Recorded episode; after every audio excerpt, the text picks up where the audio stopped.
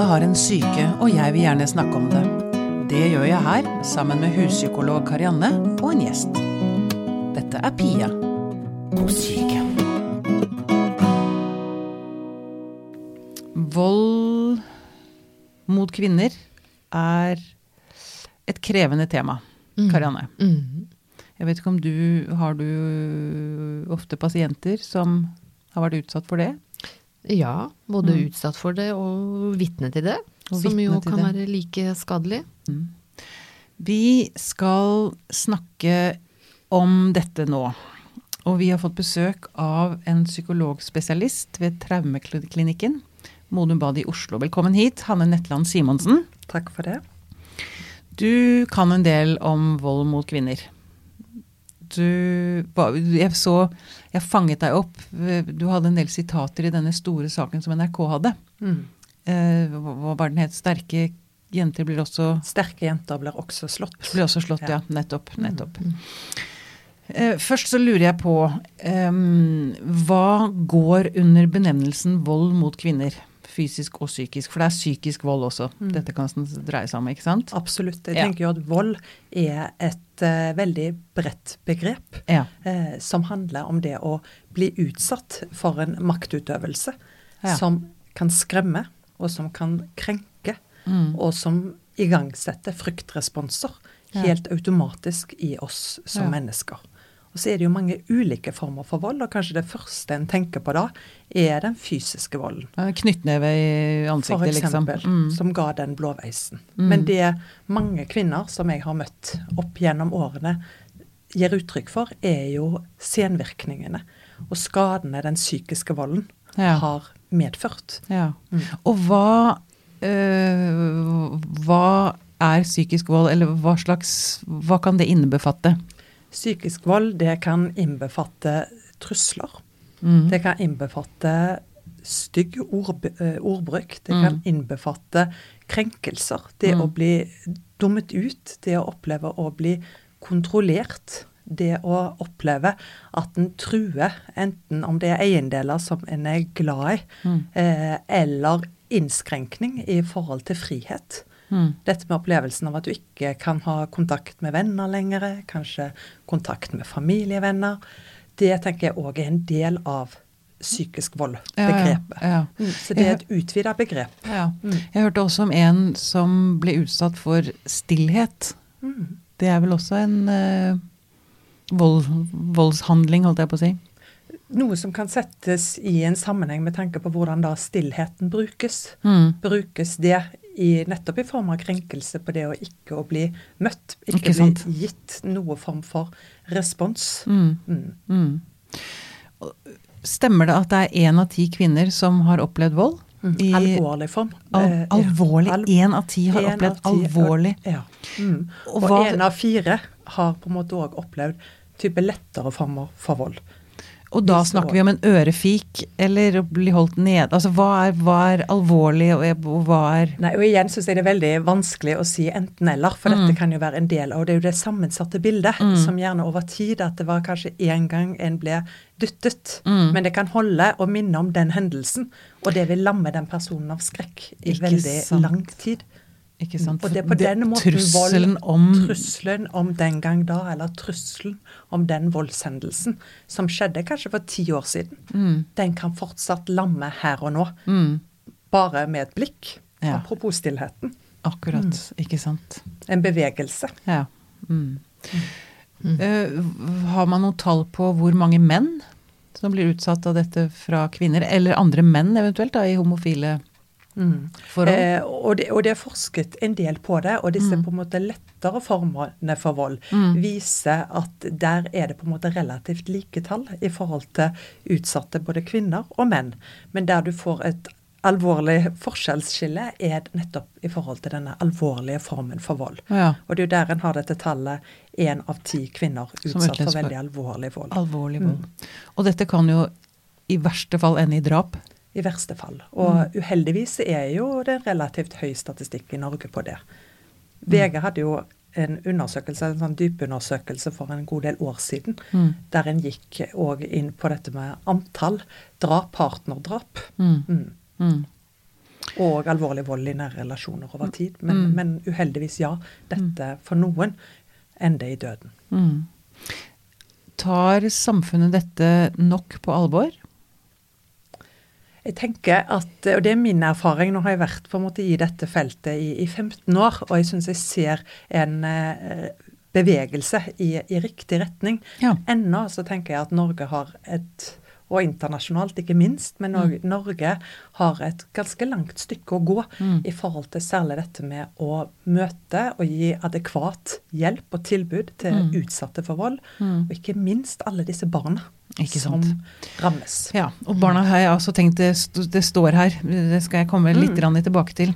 Først så har jeg lyst til å høre med dere begge om hva det gjør med eh, en kvinne eller en mann, sinnet, eh, når man blir utsatt for vold. Hva, hva slags reaksjoner, annet enn det åpenbare, altså frykten. Men senskadene, hva innebefatter det? Inn, innbefatter, heter det kanskje. Mm. Og der vil det jo se en god del som vi kaller for normalreaksjoner, men nettopp på de unormale hendelsene. Normalreaksjoner i forhold til økt vaktsomhet, det å være på vakt. Mm. Det å være i beredskap for å lese alt fra ansiktsuttrykk, Mm. stemninger. Eh, og det gjør noe med oppmerksomheten i forhold til hvor fokus rettes. Mm. Sånn at noen vil da kunne oppleve at type det å huske på avtaler, det å huske tiden, det blir sekundært. For det er Ja. mye av denne overlevelseshjernen vår som da er rett og slett i beredskapsmodus. Mm. Som òg kan gi for en del økt opplevelse av uro, Mm. angst, aktivering med tanke på at det blir vanskelig å sove på natten. Mm. Mm. Og det blir jo en, en nedadgående spiral. Mm. Ganske fort, kanskje. Ja, og, og det å på en måte begynne, og det er apropos denne psykiske volden, så er det òg mange kvinner som, òg menn som har fortalt hvordan eget selvbilde er blitt brutt ned over tid. Ja. Så det å til slutt på en måte eh, stille spørsmål hvem er jeg i det hele tatt, Mm. er jeg verdt noe i det hele tatt, Mm. det at det gjør noe med selvfølelsen Mm. i alvorlig grad. Mm. Og opplevelsen òg av å miste egen identitet, Mm. egen vilje Mm. og egne grenser. Ja, ikke sant. Um, har du noe føye til der? Ja, jeg bare tenker på, også Ikke minst så påvirker det jo også alle, alle relasjoner som også presumptivt kan være gode. da. Fordi at det er jo nettopp fordi at, eh, som Hanne sier der, om at hjernen er så opptatt av å sikre en overlevelse når man har vært i faretruende situasjoner, så er det jo ikke noe overlevelse i å se etter vennlige ansikter eller, eller, eh, eller, eller trygghet, på en måte. Det er en overlevelse er det å være på vakt overfor alt som kan være potensielt skadelig og farlig. Ja. Så du får ikke veid opp med gode opplevelser? Nei, det er vanskelig å få korrigert det på en måte, fordi Mm. at det er jo ikke det man ser etter. Man må jo sikre, sikre en trygghet. Mm. Mm. Mm. Eh, Jeg har hørt at um, dette spørsmålet 'hvorfor går det ikke?' nå har begynt å bli litt gammeldags. Mm. Du er enig i det? Jeg fikk nesten litt kjeft av en Stia. Uh. Eh, Og at det er veldig mangefasettert. Mm. Men jeg har, jeg, jeg har lyst til å løfte det opp allikevel. Mm. Jeg har lyst til at dere skal liksom drodle litt rundt det, da. Eller, så, Mm. fordi um, en ting jeg tenker på, er at man vel kanskje ofte går inn i en forsvarsposisjon, både for sin egen situasjon, men også mannen, eventuelt eh, kona. At man tenker at ja, men han er jo god på bunn. Er det en fasett? Ja, og, og i den setningen så tenker jeg at ja, det er en fasett, eh, og så er det et veldig komplekst og komplisert bilde. Mm. Eh, men jeg tror, og det er min erfaring og klinisk, at gjennom mange møter så er òg dette håpet om endring. Ja. Håpet om at han Mm. en dag skal ta ansvar. Skal forstå, skal- skal se. Yes, Mm. Se den utryggheten dette har påført meg, har påført barna våre. Mm. Drømmen om den kjernefamilien som òg eh, har lykkelige stunder sammen. Mm. Men som en opplever på en måte det er mer en illusjon eller en drøm. Mm. Men at jeg en gang skal få oppleve den drømmen igjen, Mm. den kan for mange bli sterk. Mm. Mm. Og det kan være en av utfordringene. Mm. Det andre kan jo òg være dette med opplevelsen av skam. Det å bryte tabu. Ja. Og se at faktisk så har dette skjedd meg. Jeg blir utsatt for vold. Ja, og hva er, for, hva er galt med meg? Mm. Er, det, er det en, også Og en naturlig tanke Ja, og hva vil andre da tenke om meg? mm. Meg som utsatt. Mm. Mm. Og hvis vi skal prøve å knuse noen myter, da. Eh, vi var jo inne på det i sted, men det er ikke en spesiell type kvinner som blir utsatt for vold. Nei. Og det tenker jeg er en veldig viktig kommentar. Mm. Sant? Det er noe som alle kan utsettes for. Mm. Og at det er veldig sånn, sterke psykologiske mekanismer Mm. som trer òg i kraft Mm. når en utsettes for vold, og Mm. utsettes for vold over tid. Ja, men da må jeg spørre dere om noe, for det er jo noe jeg har hørt tidligere, at eh, hvis man vokser opp med en alkoholisert far, så er det lett for at man velger en alkoholisert mann fordi det er kjent. Er det noe sammenheng der i, i dette? Altså at hvis man blir slått som liten, så er det lettere å akseptere det som voksen? Og der har jeg lyst til å si både og, for det, Mm. det kan være tilfellet.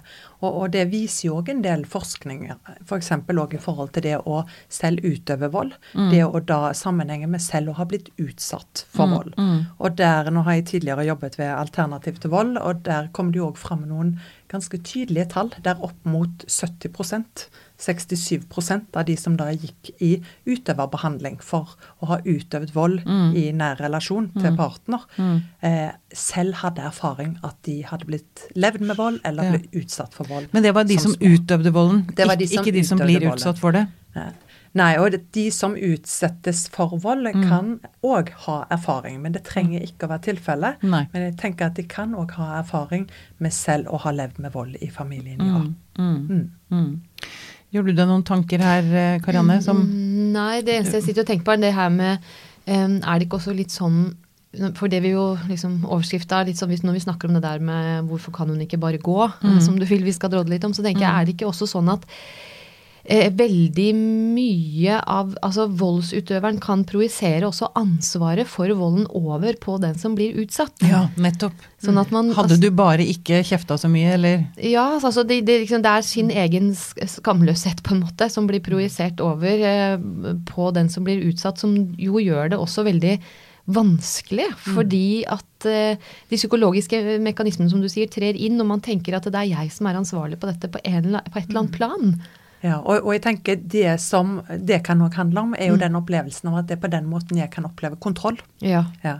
Og, og da er vi litt sånn inne på òg denne voldssyklusen, Mm. voldssirkelen som vi òg kaller det for, Mm. som vi ofte ser går igjen i mange av sakene. Mm. Det er at volden skjer, Mm. og så er det gjerne en sånn type reparasjonsfase. Da kan unnskyldningen komme.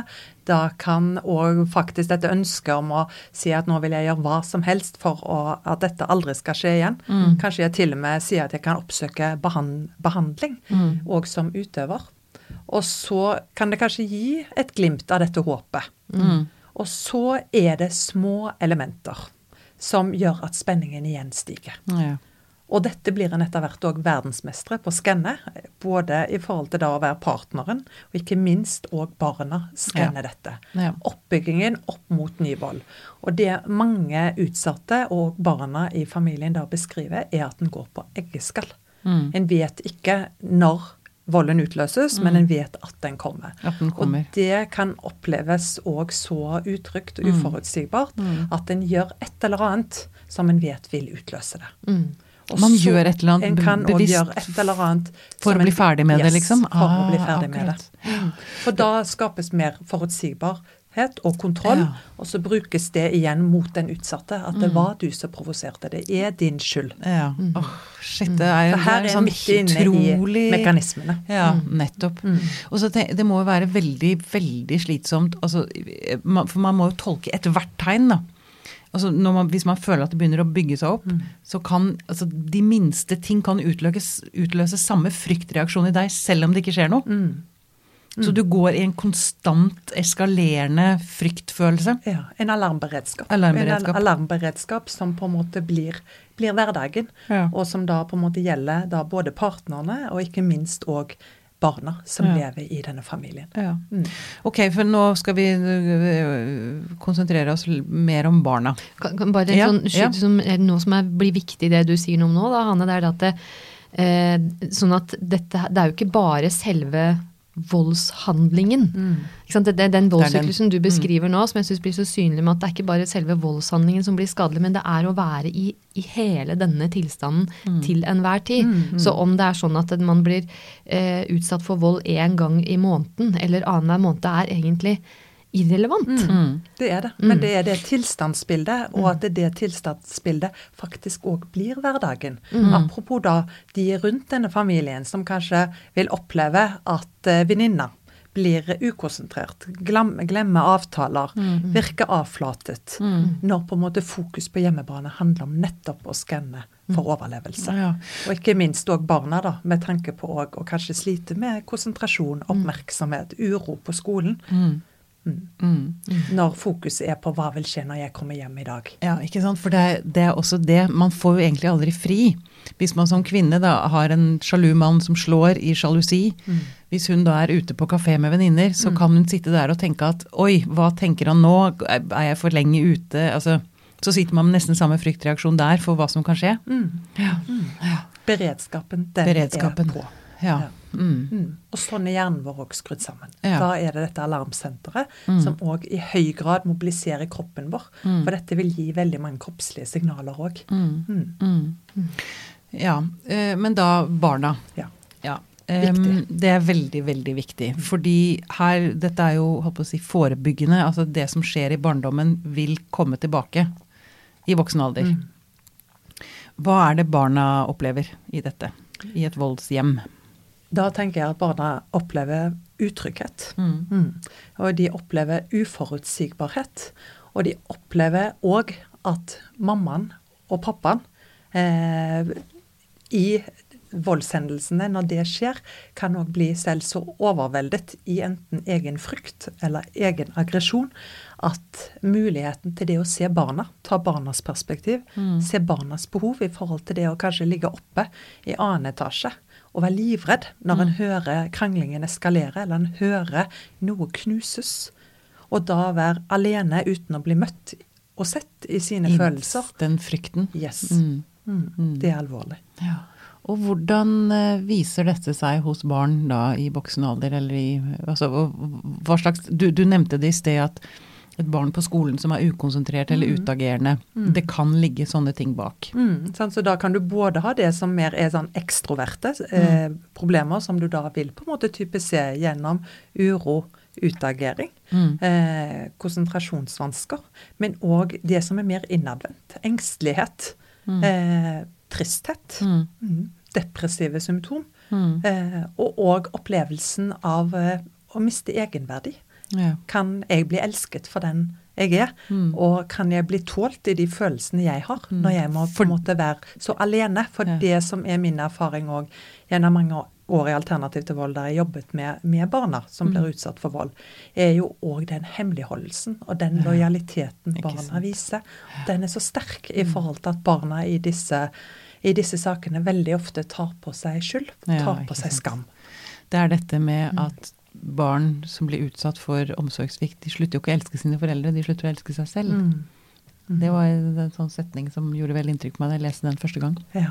Og hadde jeg bare gjort leksene, eller hadde jeg bare gått og lagt meg når mamma eller pappa sa det, da hadde ikke de begynt å krangle, Mm. da ville ikke volden skjedd. Mm. Det er min skyld.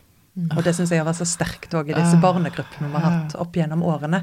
Når Og du har hatt barnegrupper òg, ja? Ja. Wow. Når barna på en måte òg møter erfaring gjennom andre Mm. på dette med at det er helt normale reaksjoner, Mm. men på nettopp volden eller unormale hendelser som har skjedd. Mm. Men han har vært så alene og tenkt at han er alene om dette i hele verden. Mm. Mm. Og da, for, og da ved å være så aleine, så er det vel også sånn altså Da får man jo heller aldri korrigert de fantasiene de har heller. De blir værende, og de blir levende, og sånn sett etter hvert blir de internalisert og integrert i dem, på en måte, da. For det er jo et eller annet med at de, det er ikke bare det at det er et nærvær av noe som er fare og skummelt og en alvorlig krenkelse, men det er også et fravær av en trøst og en omsorg, så det blir en sånn dobbel problematikk i det, da. Mm. Mm. Mm. Og et fravær da av nettopp å bli møtt på de tidspunktene der du var mest i frykt. Mm. Og det er jo noe vi vet Mm. gjør noe alvorlig òg med tilknytning. Mm. Mm. Med tanke på å skape utrygghet i tilknytningsmønstre. Mm. Ja, og da vil man sannsynligvis få problemer med å stole på andre. Det vil ville kunne være en naturlig konsekvens. Mm. Ja. Og det er der jeg tenker disse korrigerende erfaringene, muligheten for å kunne gjennom eh, gjennom det å snakke sammen, gjennom det å oppleve at en ikke er alene, Mm. gjennom å få en korreksjon på at dine reaksjoner er helt normale, Mm. eh, er veldig, veldig betydningsfulle. Veldig. For det å skape ny forståelse, skape ny sammenheng Mm. og skape ny mening. Mm. Mm. Nettopp. Og òg være veldig tydelig tenker jeg, i informasjon på at det Mm. aldri er barnas skyld, det er aldri den utsattes skyld. Mm. Men det er ansvaret er det veldig viktig ligger hos utøver for Ja, den volden. Mm. Men så du i disse barnegruppene at det hjalp? Altså jeg har, nå har jeg lyst til å høre sånne gode historier. Ja. Jeg regner med at det hjalp, at det hjelper. ja. Og, og, og ennå så, så, er par- så er det mange minner fra den tiden med vi har, hadde en god del gruppeerfaring fra ATV.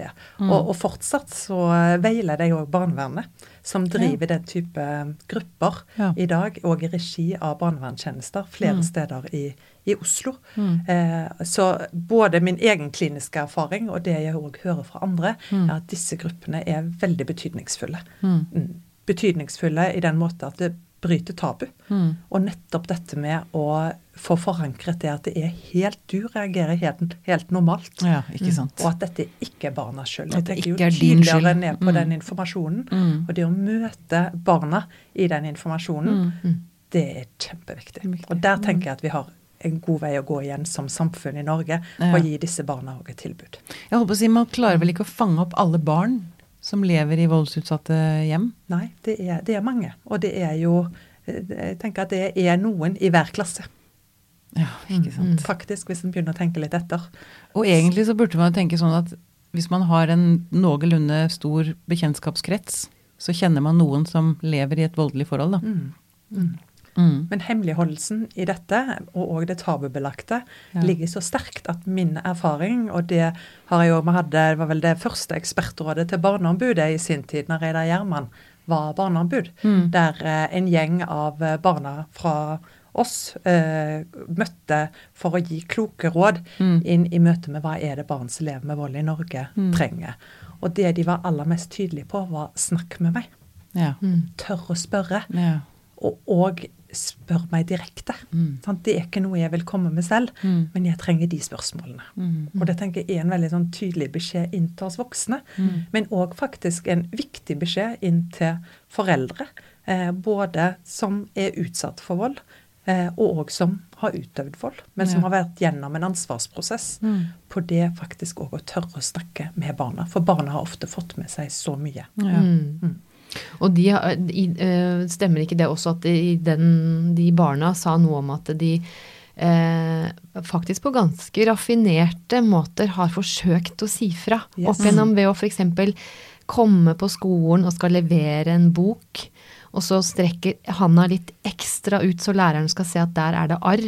Ja, Et selvskade, f.eks. Mm. Altså at det, er, at, det er, at det er mange måter å prøve å si fra uten å bruke ord, da. Mm. Men hvor de som da møter de, blir helt De, de må, må våge å tåle å høre det vi hører. Det er vel det som er det viktigste vi må speile. Veldig viktig Å være, ja, å være oppmerksom. Altså det er viktig både for slektninger og lærere og andre som er i kontakt med barn. Mm. Å være oppmerksomme på de små signalene, for det kan være vanskelig å se. Ja, og, og det å se bak atferd tenker jeg òg er viktig. Mm. Se bak det uttrykket. Mm. Og da du viser til det med det fysiske blåmerket. Mm. Men jeg tenker òg på de som forteller historier om at de trengte å være den flinkeste, Mm. snilleste, stilleste i klassen. Nettopp som en overlevelsesstrategi. Og at her må ingen komme med spørsmål.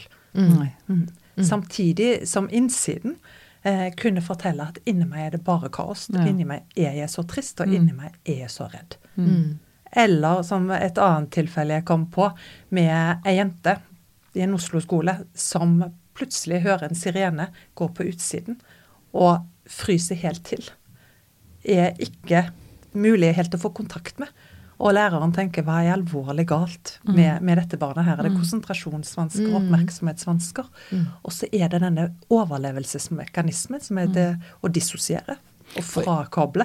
Men for hun, hun var kanskje redd for at nå ble mamma slått? Hen, yes, og hennes frykt var at nå kan mamma dø. Ja. Ikke bare at nå kan mamma bli slått. Mm. Men den frykten, og den har jeg sett mange ganger Mm. i møte med barn, at det de har vært aller mest redd for, selv om det ikke fysisk var tilfellet, var at dette kunne faktisk mamma bli drept av, eller dø av. Mm. Så alvorlig har de opplevd det. Uff a meg, jeg blir um, Mm. um, ja, berørt. Mm.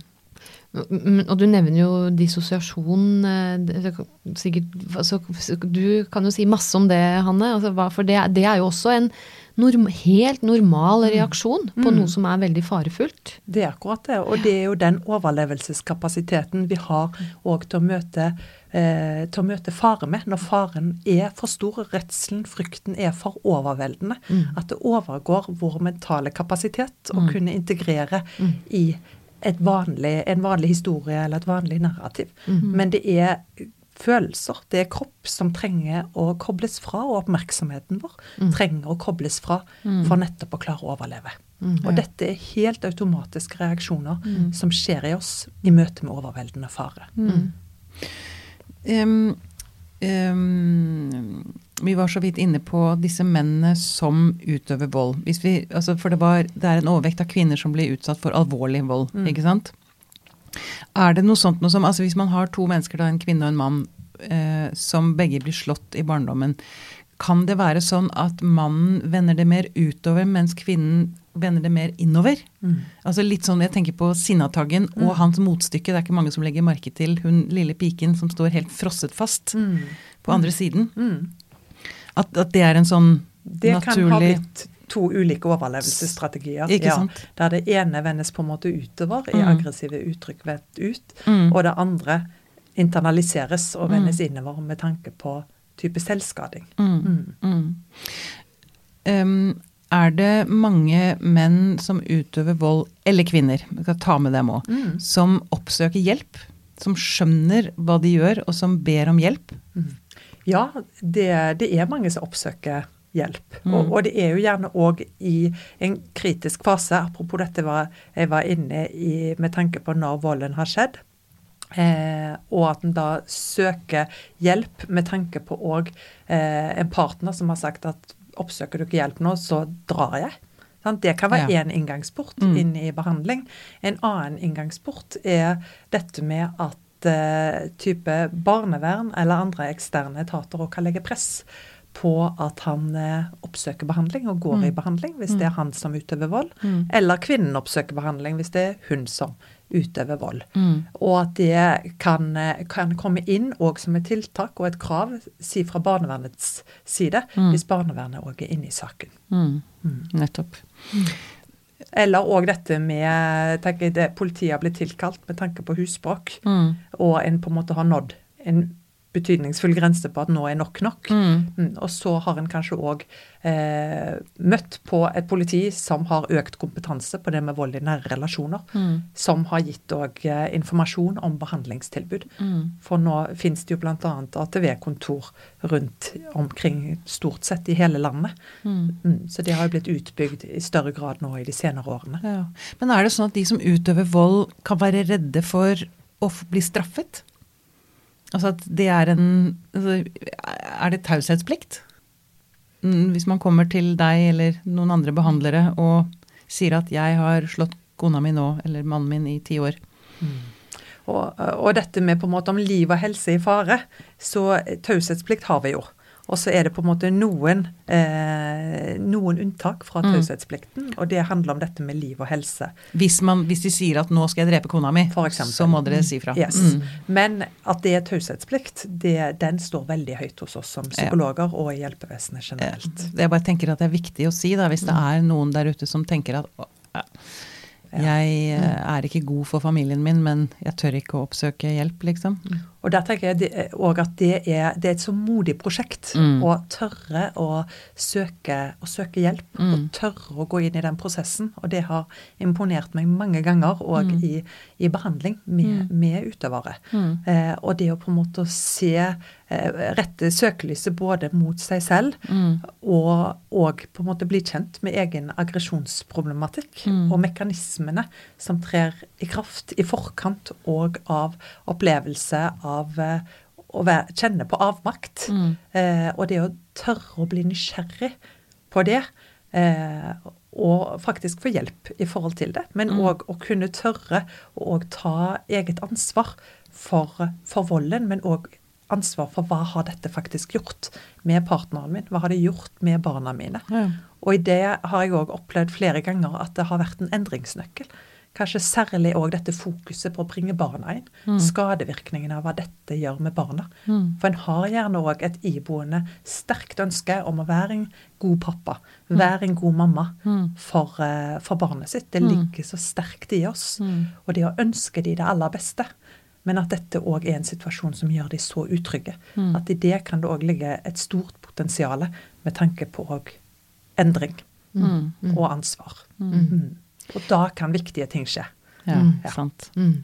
Det, og det er jo gjerne da øh, når på en måte krisen står på, og når, eh, og når det er avdekt at det er vold da, eh, i hjemmet. Men hva med liksom, hvordan, Hva tenker du om eh, forebyggende arbeid, da? Spesielt for de som da kanskje, når du sier noe i stad om at de som er utsatt, kan også stå i fare for å, å, å streve med dette sjøl når de blir voksne. Hvordan skal man på en måte prøve å unngå det? Hvordan skal vi komme tidlig inn? Og, og tidlig inn tenker jeg både dette med å eh, skape et rom òg i offentligheten som gjør at dette tåles i samfunnet. Eh, at det kan tåles å snakkes om. Ja. Og at dette faktisk er et relativt vanlig problem. Men at det er et samfunnsproblem som òg et samfunn tar ansvar for. Som det blir gitt informasjon om. Og som det blir gitt òg opplæring i møte med i grunnutdanninger som møter mennesker der de er.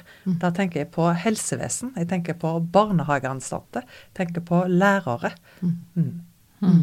Det tenker jeg er veldig betydningsfullt i forhold til det å kunne fange opp disse signalene, og faktisk òg få et språk for dette. For da tror jeg òg tabuet senkes, og at det kan bli lettere å bli møtt. Mm. Hvor går man hen hvis man blir slått? Der en kan gå, eh, er dette med å dra til fastlegen, som kanskje for de fleste vil være Kanskje. Lavterskel.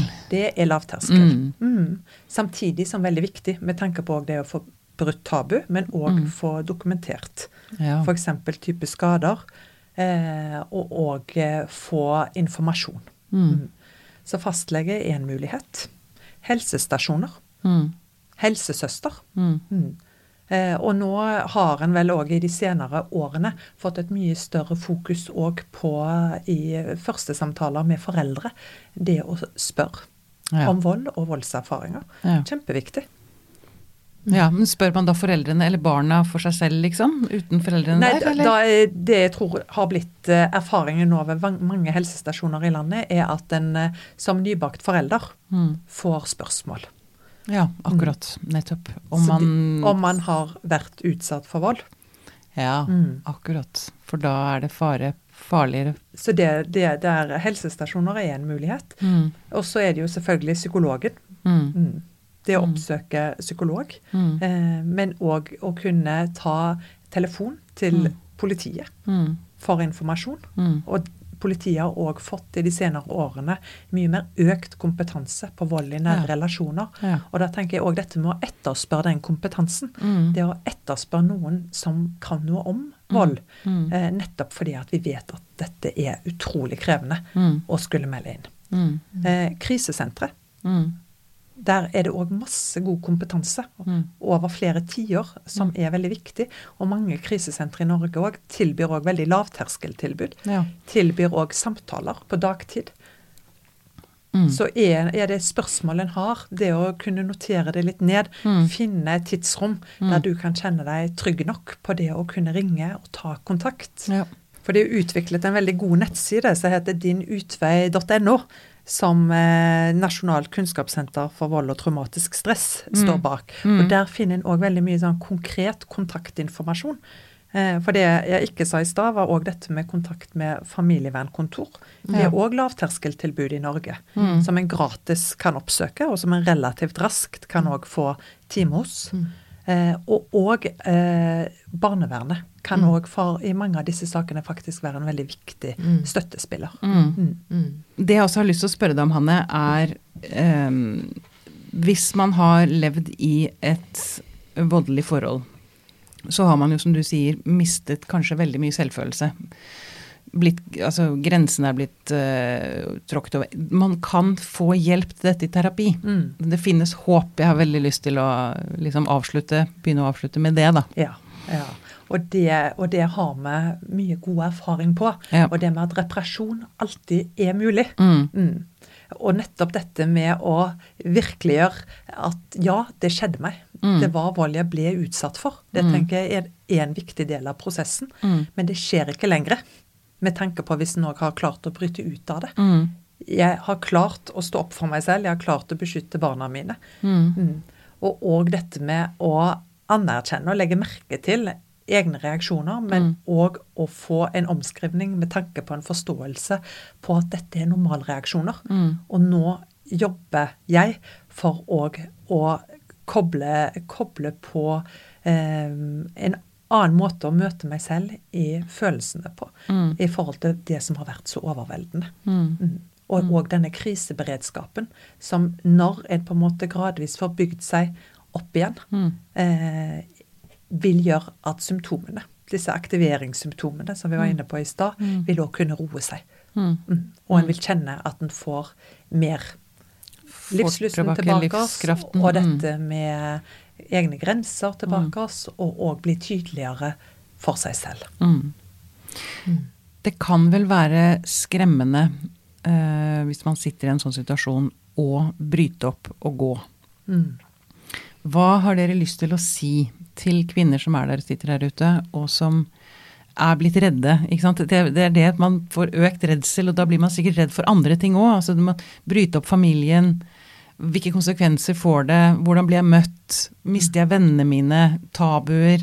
Altså det kan være en litt sånn skred av frykt da, Mm. som velter over deg hvis du tenker på å gå. Hva, hva har dere lyst til å si til dem?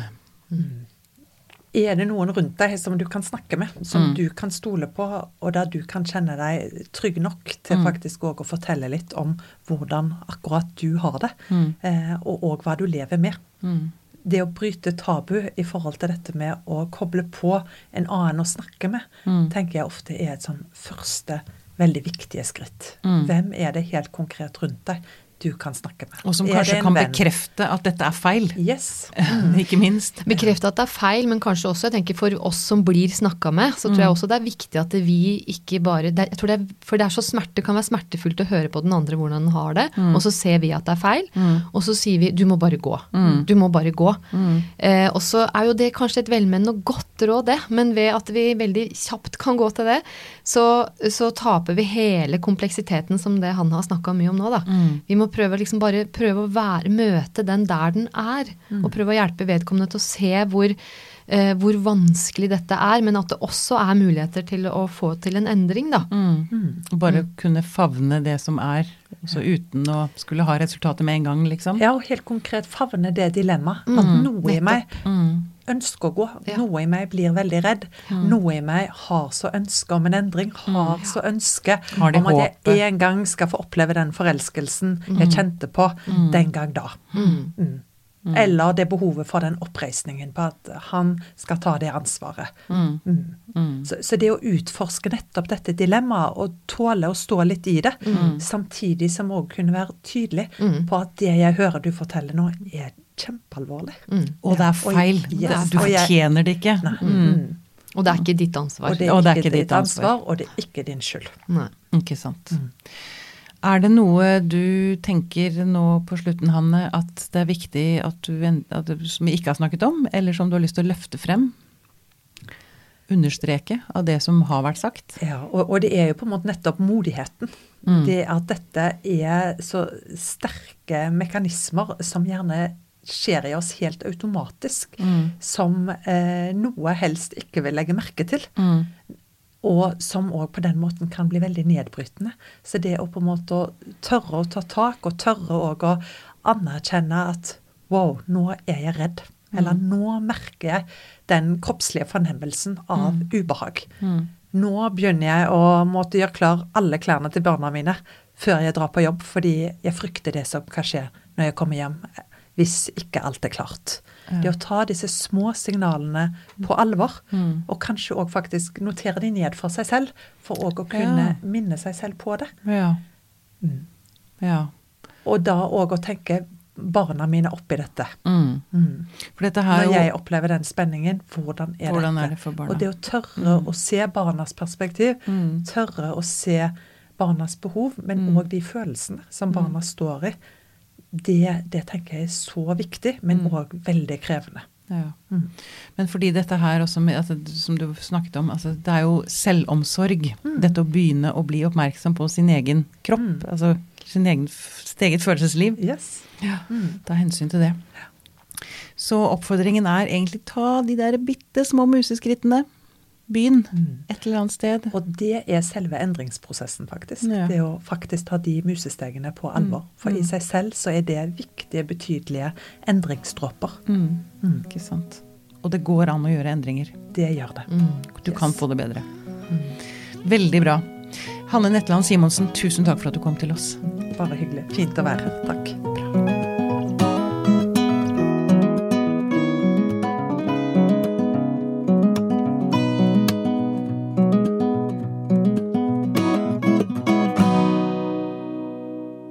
Podkasten er produsert av Tid og Lyst. Med støtte fra stiftelsen Kåre Berg.